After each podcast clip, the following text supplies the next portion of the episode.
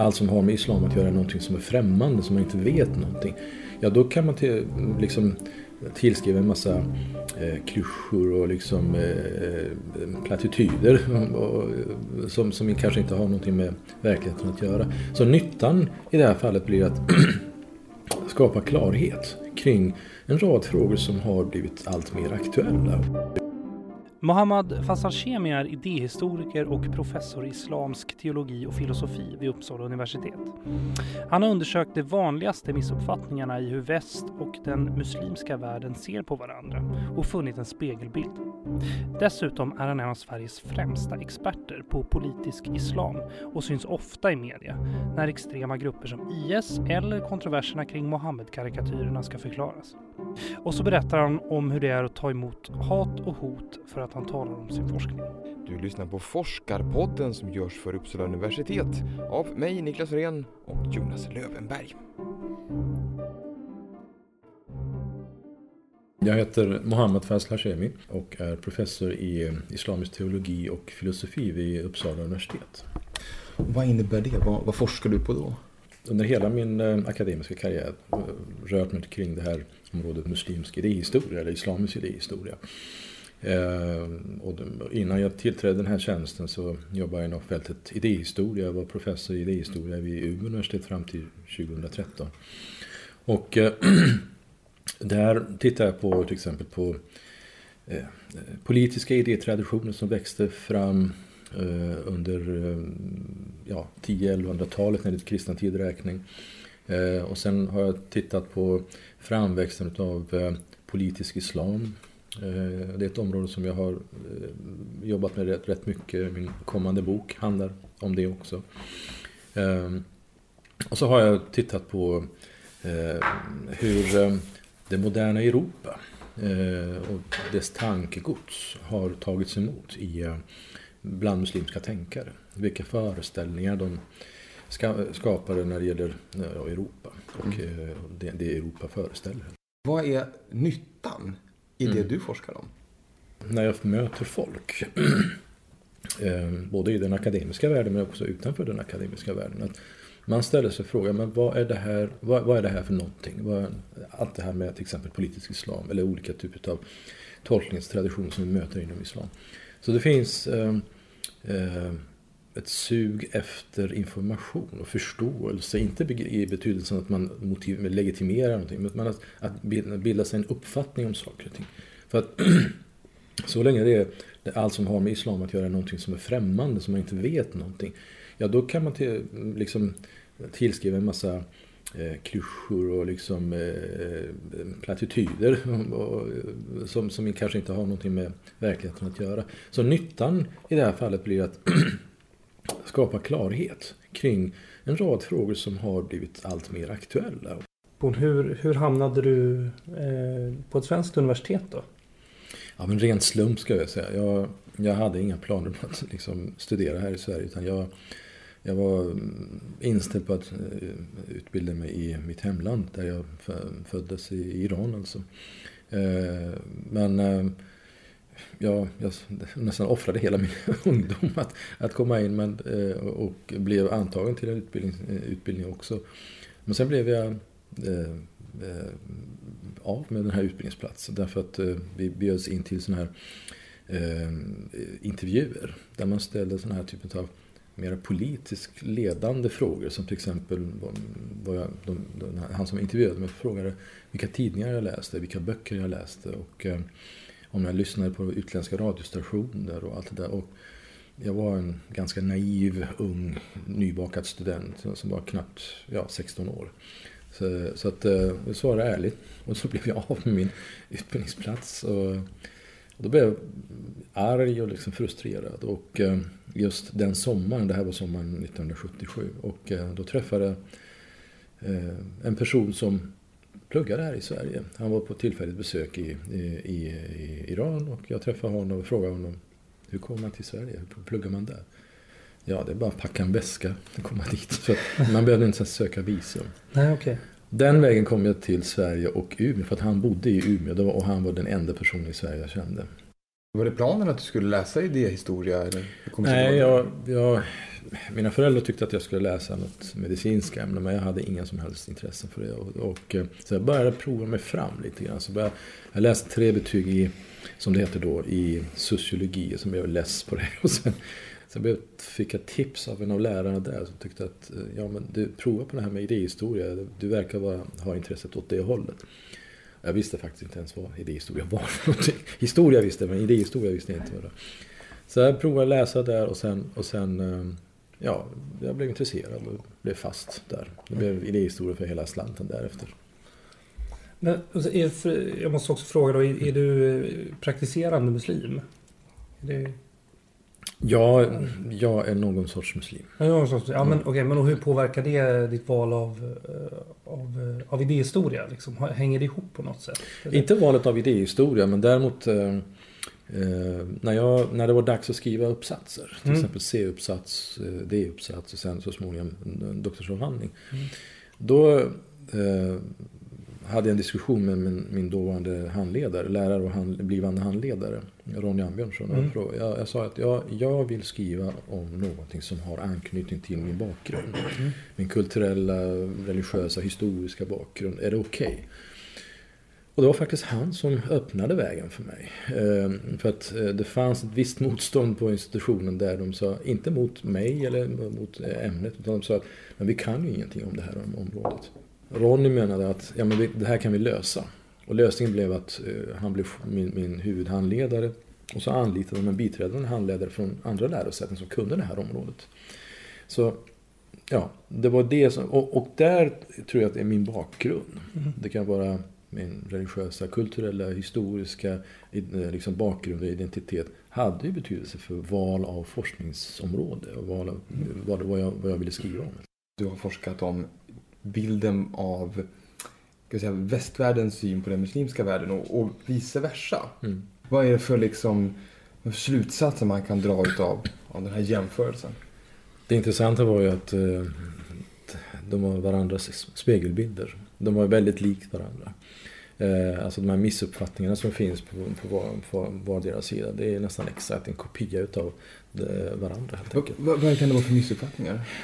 Ja, alltså just det här, kanske inte, inte börja med vilka missuppfattningar det är, utan hur man förhåller sig till varandra. Ja. Utan det här med att man utgår från kanske enstaka företeelser och skapar en generell bild av den andra. Har man träffat på en västerlänning som uppför sig på ett visst sätt så, så får den personen eh, bli sinnebilden för alla västerlänningar. Och tvärtom. Mm. Om, man, om man träffar en, en muslim eller en oriental eller vad det, vad det kan vara som, som agerar på, säger en sak eller, eller agerar på ett visst sätt så blir han eller hon sinnebilden för alla muslimer. Så just det här med att skapa allmänna generella bilder om den andra men också att tillskriva den andra negativa egenskaper. Mm. Vad, vad är det för jag kan säga, stereotyper som de här båda synsätten delar? Säga, om ja, negativa egenskaper om den andra. Eh, till exempel att eh, muslimer beskrivs ofta som känslostyrda, eh, våldsbejakande eller våldsverkande. Eh, att de inte kan eh, tänka rationellt och att de tänker eh, mera eh, ja, utifrån känslor och så vidare. Så det är, det är bland de mest vanligaste eh, föreställningarna om muslimer man möter i väst. Och tvärtom, där talar man om eh, bristen på andlighet bland eh, västerlänningar, eh, att de är väldigt destruktiva och då tar man sådana här exempel. Så man tittar där har de haft, har de haft två stora världskrig eh, i Europa. Eh, de, de, de är krigiska utav sig och så vidare. Och så vidare. Alltså just det här med att man beskriver den andra som våldsam. det är någonting som båda tar fram och så skjuter man in sig på historiska exempel. Alltså för att, att överbrygga de här klyftorna måste ju, känns ju som helt nästan omöjliga när båda sidor på något sätt, nu ska vi inte prata om kanske sidor, men man mm. föreställer sig om mm Eh, den här andra att den är inte minst våldsam och farlig. Alltså ja. det är ju... Ja, alltså det är det som är grejen. De som har lyckats eh, komma förbi de här stereotypa föreställningarna om den andra. Det är de som har varit banbrytande. Både här i väst men också i, i den i, i muslimskt dominerade världen. Och, och, och, det är en annan del av min forskning där, där jag har försökt lyfta fram, framförallt inom eh, muslimsk eh, tänkande, de som bryter mot det här. Mm. De som inte avvisar allt som kommer från väst som destruktiv och någonting som man inte vill ha. Utan man talar om det, man, det här med demokrati, det här med respekten för grundläggande mänskliga fri och rättigheter. Det här, allt det där, det där är inte så tokigt. Mm. Det där skulle man kunna ta till sig utan att liksom sälja sin själ. Ja. Eh, och, och det är en annan del av min, min forskning. En mer nyanserad bild av... Exakt. Ja, just det. Mm. Kan, kan du känna att liksom, de här perspektiven också saknas i kanske i mediebevakning från den muslimska världen? Och... Absolut. Ja. Nej, men det, det, men det delvis beror det på att eh, man har inte så djupa kunskaper eh, om islam och eh, framförallt eh, det här med att eh, försöka visa att vi har inte en tolkning av islam utan vi har en mångfald av tolkningar.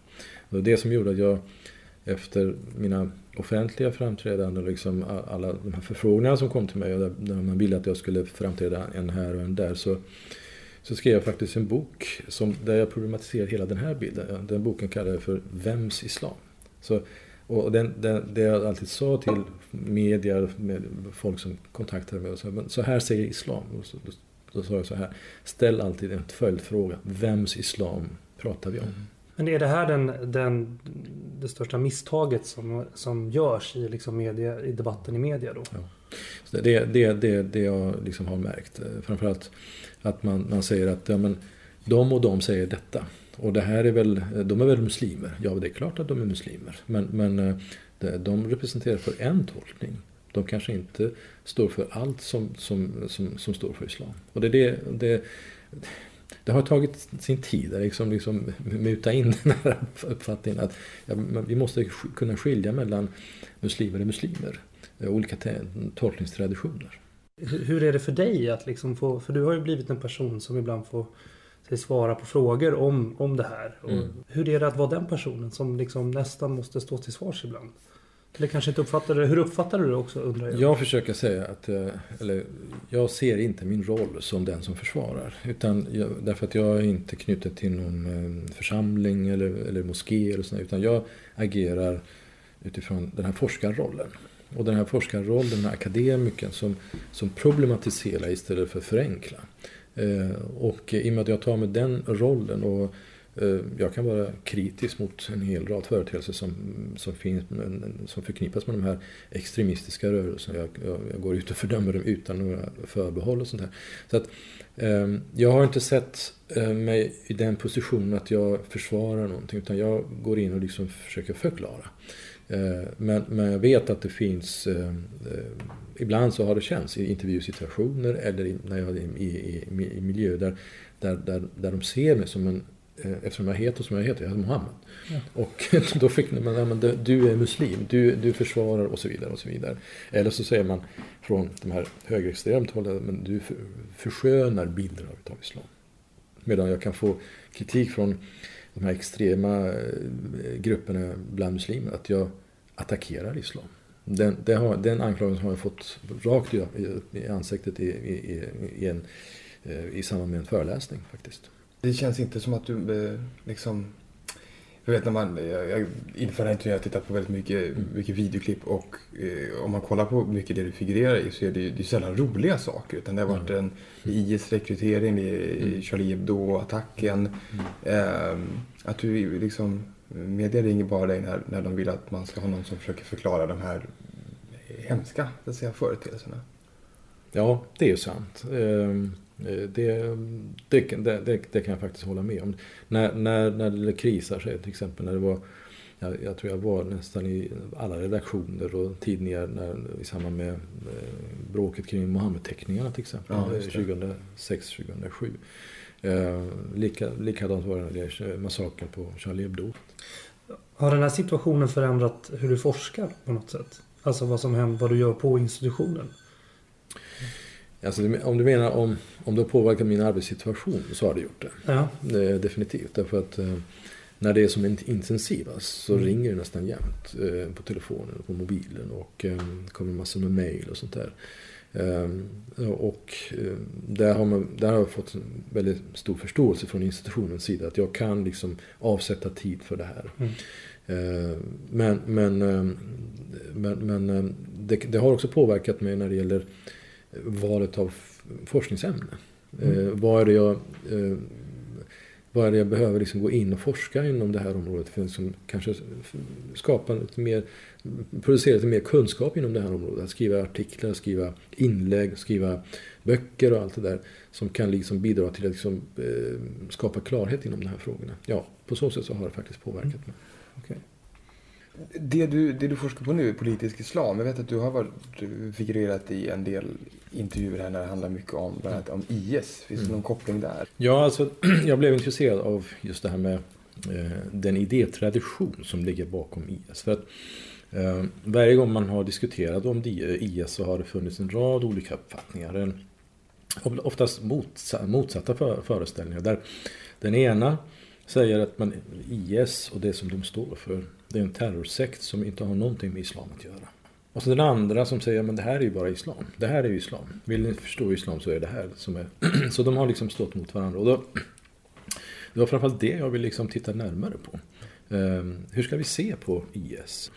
Så jag landar i, i, i min kommande bok i, i, i det här att uh, det här är Eh, IS och det de, de, de står för är ett uttryck för en tolkningstradition, en väldigt extrem i och för sig tolkningstradition som trots allt finns bland muslimska tänkare. Så även om man, man skulle kunna säga att det här inte har någonting med islam att göra, jo, men den har ändå en del, en del saker med en del muslimska företrädare att göra. Så man kan inte bara avfärda det sådär. Hur kan de eh, religiöst motivera Eh, att man bränner folk levande, att, att man eh, tvingar kvinnor till sexslaveri eller att man begår folkmord, man driver etniska religiösa grupper ut sitt eh, hem och liksom det, det område där de bor. Det här går tillbaka till en teologisk debatt. Eh, och den teologiska debatten är ju det här med eh, det här med ont och gott. Existerar de av sig själva oberoende av, av oss, oberoende av vad vi tycker, oberoende av vad religionen säger eller eh, definieras det goda och det onda enbart genom religionen? Och där har vi en väldigt eh, skarp skiljelinje mellan två olika riktningar inom islam. Dels den här eh, förnuftsorienterade teologiska traditionen som säger att ont och gott existerar av sig själv. De är inte beroende av oss vad, vad eh, innebär det? Alltså att, det... att till exempel döda, eh, att man, att, att man inte får döda människor, att man inte får stjäla, att man inte får begå, att man inte får ljuga och allt mm. det där. Det är någonting som, som är ont i sig. Ah, okay. ingenting, ingenting som religionen bestämmer. Uh, men det som IS står för, där säger de att det goda och det onda, den avgörs av religiösa företrädare. De, ah, det goda okay. och det onda existerar inte av sig själv. Så eh, sett ur deras perspektiv, det har man, det har man till exempel höra hos eh, rekryter mm. eh, som har varit där. När, man, när de får den här frågan. Men du, hur kan du motivera det här med halshuggningar och mm. sexslaveri och allt det Och då, då kommer man alltid med, ja men våra över, eh, våra befälhavare eller våra religiösa ledare mm. har sagt att det är okej. Okay. Så, och, och eh, i egenskap då av, av, att de har tolkningsföreträde så blir det precis. gott då? Eller precis, inte ont? Ja. Precis. Så, eh, det, det, här med att bränna en människa levande. Mm. Det, om, om, om, man kan utgå från att det här är ont i sig. Eh, så, så, kan ingen komma och säga men det här, det här det kan legitimeras. Det här kan sägas, men det, i det här fallet så kan det vara motiverat att göra detta. Ja, det. Så att, och, det, och det är det som den här teologiska debatten blir väldigt intressant i det här sammanhanget. Mm. Där har vi en tradition som säger nej, de här våldshandlingarna är, strider mot eh, de grundläggande föreställningarna inom islam mm. men också mot, mot all form av etik. Oh. Eh, medan eh, den tolkningstradition som eh, IS företräder där menar de att nej, det, saker och ting är värdeneutrala. Det är först när religiösa ledare eller de som gör sig till uttolkare av religionen kan, kan, det, det är de som avgör vad som mm. blir gott och vad som blir ont. Du har ju forskat eh, på muslimsk idéhistoria i 20 år, 30 år? Ja, 25 mm, år. 25 år. Mm. hur tycker du att liksom, debatten kring de här ämnena som du rör dig kring, hur den har förändrats under de här åren? Låt mig ta ett exempel från eh, min disputation. Eh, så att liksom synliggöra det här. När jag disputerade 1994 och eh, när disputationen var klar så var det en eh, professor i datavetenskap som satt med i publiken. Eh, som räckte upp handen och ställde en fråga, inte egentligen till, till mig utan till, till institutionen. Och sa, varför ska man avsätta pengar för att liksom utbilda en doktorand inom det här området? Idag vi, har vi kommit in i dataåldern och det är det som är det viktigaste. Varför ska man överhuvudtaget satsa pengar för det här? Han fick mothugg både från... Ja. Dryg, vad dryg han var. dryg. Drygt, ja, ja. Han, fick, han fick mothugg både från eh, eh institutionen och också från eh, opponenten som reste sig och liksom försvarade det här. Men den debatten har vi inte idag. Alltså, det här var 1994. 2012-2013 när man tillsätter den här, då, då, finns inte den diskussionen. Tack och lov. Så det har förändrats. Det har liksom eh, eh, skett en stor förändring. Men någonting annat som har förändrats det är alltså att, eh, okej, okay, när jag disputerade så fanns det kanske inte något större intresse för det. Eh, men om man diskuterade islam så blev man inte Eh, angripen på det sättet som jag blir idag. Eh, när jag är till exempel ute på såna offentliga föreläsningar på ABF på, eller på andra ställen. Dit kommer människor som, eh, som agerar som åsiktspoliser och liksom stör föreläsningen och, och kommer med sådana här påståenden, personliga angrepp och allt det där. Så det har, skett, det har skett en förändring. Dessutom så har vi ett parti i den svenska eh, Sveriges riksdag som har som profilfråga att de angriper islam och muslimer. Så det har skett en förändring på lite olika områden mm. om man säger så. Eh, har du blivit utsatt för hot eller eh, hat för ja. det du forskar på? Ja, det är, oftast när jag, när jag är ute så, som som brev på posten så kommer som en beställning. De här hoten och haten kommer faktiskt. Och det, det här, ehm, oftast så är det hat. Eh, och det, det kommer från lite olika håll. Det, för det mesta från högerextrem håll. Eh, islamofobiska individer eller grupper. Eh, men, men det kan också komma från de här jihadistiskt håll. Där de angriper mig för att liksom, liksom gå till angrepp mot deras föreställningar. Ehm, så det, det är en del av vardagen. Jag har till exempel... En del av din vardag? Ja, det, det, vi, vi, vi, vi, jag har tvingats till att vidta en del eh, försiktighetsåtgärder. Så att till exempel inte ha offentlig telefonnummer hemma. Eh, att ta bort Eh, adressuppgifter mm. från sajter och liksom sånt här. Händer det att du överväger, liksom, är det värt det? Är det värt att bedriva den här forskningen om jag får betala det här priset? Inte forskningen, men däremot vissa offentliga företrädande. Eh, för, där, där, där, där har liksom funderat um, om det är värt att, att liksom utsätta sig för den risken. så att säga. Och då, då har jag liksom haft en dialog med arrangörerna att, eh, för de kan ju ibland, ibland vara väldigt naiva. Uh, och säga, men nej, här är Sverige, det här händer, händer ingenting. Så, men men det, tack och lov så har det inte hänt något allvarligt än. Men, men hoten har funnits och den här haten och allt det där det har också, också funnits. Jo men vi, eh, också eftersom det här ju handlar om, om, eh, om Uppsalas mm. forskare. Så liksom, hur, hur är det att jobba på Uppsala? Hur är universitetet? Jag är ganska ny där men, men, men eh, jag, jag, anledningen till att jag tackade ja till eh, den här nya tjänsten. Det var just det här med att eh, jag tyckte det var väldigt värdefullt att de tog det här initiativet att inrätta den här, den här tjänsten. Ehm, och det, det är en orsak. Men sen ehm, med, med, med tanke på det kännedom som jag har om, om de forskare och, och lärare och Eh, ja, doktorander som finns där. Så var det, var det ett ganska lätt beslut att ta. Därför att eh, eh i Umeå så var jag ganska ensam in, inom mitt forskningsområde. Det hade börjat komma en, enstaka doktorander inom det området. Men, eh, men, men eh, här i, i, Uppsala så kunde jag se möjligheter. Och det, det har visat sig, det har besannats. Alltså det, jag har nu fått en, en, anställt en första doktorand inom, mitt, eh, inom ramen för mitt eh, profilområde. Och det, vi ska ha, anställa fler och så för att bygga upp den här miljön. Så att det, sett ur det perspektivet så tycker jag att eh, Uppsala ligger i framkant och liksom går före andra lärosäten i Sverige. Jag också, för nu har vi sagt det ett par gånger, eller du har sagt det ett par gånger. Alltså, hur, hur gammal är din tjänst? Hur färskt är det här? Då? Jag tillträdde tjänsten eh, november 2012 egentligen. Eh, men då bara på 15 procent för att kunna eh, avveckla det jag hade i Umeå och liksom utveckla här så att säga.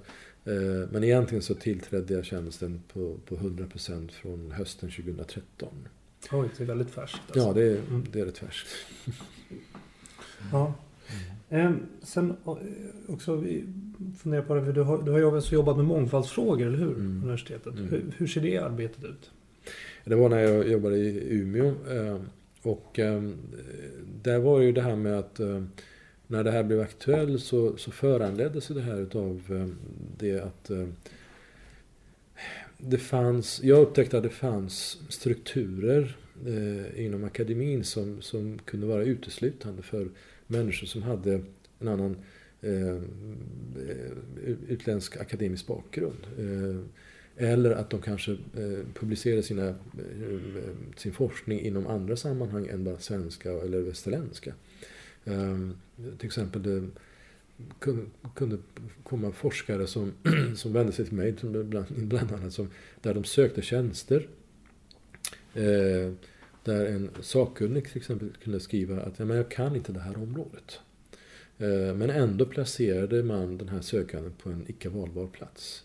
Man, man, ville, man, ansökte inte om att få en medbedömare som skulle kunna få, bedöma det här forskningsområdet. Eller att någon hade någon, någon, någon sakkunnig hade skrivit att eh, Ja, den här sökanden har eh, åberopat ett antal artiklar på det och det språket som jag inte kan.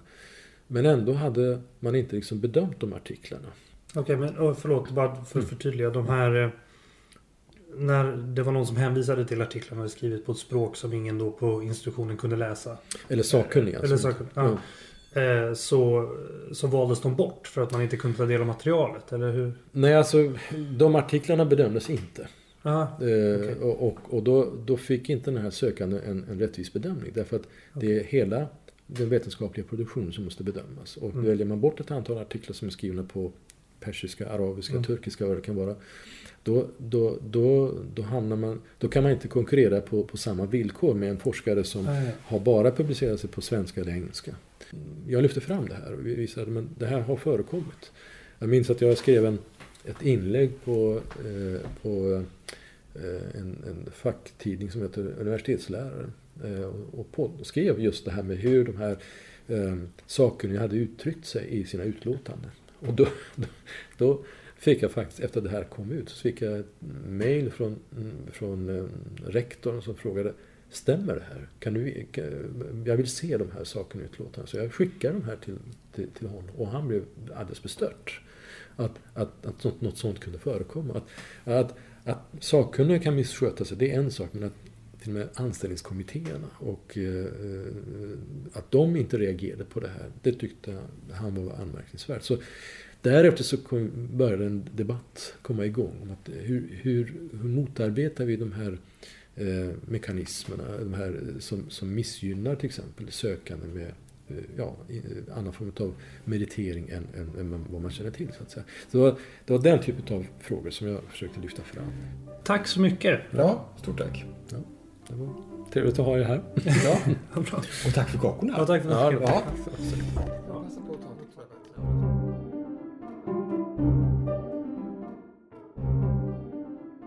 Det här var fjärde och näst sista avsnittet av Forskarpodden. Vill du ha mer Forskarpodden i framtiden så eh, skriv gärna det under hashtaggen Forskarpodden på Twitter eller så kan du mejla till oss på forskarpodden gmail.com. I nästa avsnitt ska vi höra det här. Särskilt inom akademin så är det ytterst viktigt att vi använder all den intelligensia, mm. all den kunskap, all den kreativitet som finns. Mm. Och se till att alla individer inom akademin har samma möjlighet för allas skull, inte för deras skull, för allas skull att utvecklas. Och verkligen att man har den kapacitet man har, den ska, varje människas inbyggda kapacitet ska komma till användning det är min grund till varför jag anser att det är viktigt att arbeta med lika villkor och jämställdhet. Det där var Karin Stensjö, lektor i mikrobiell kemi vid Uppsala universitet. Till vardags manipulerar hon blågröna alger för att producera vätgas. En forskning som en dag kan befria oss från oljans bojor. Tills nästa gång, tjing tjong! Du har hört Forskarpodden, en produktion av Piggelkott Media för Uppsala universitet med musik av Marcus Sjöblom.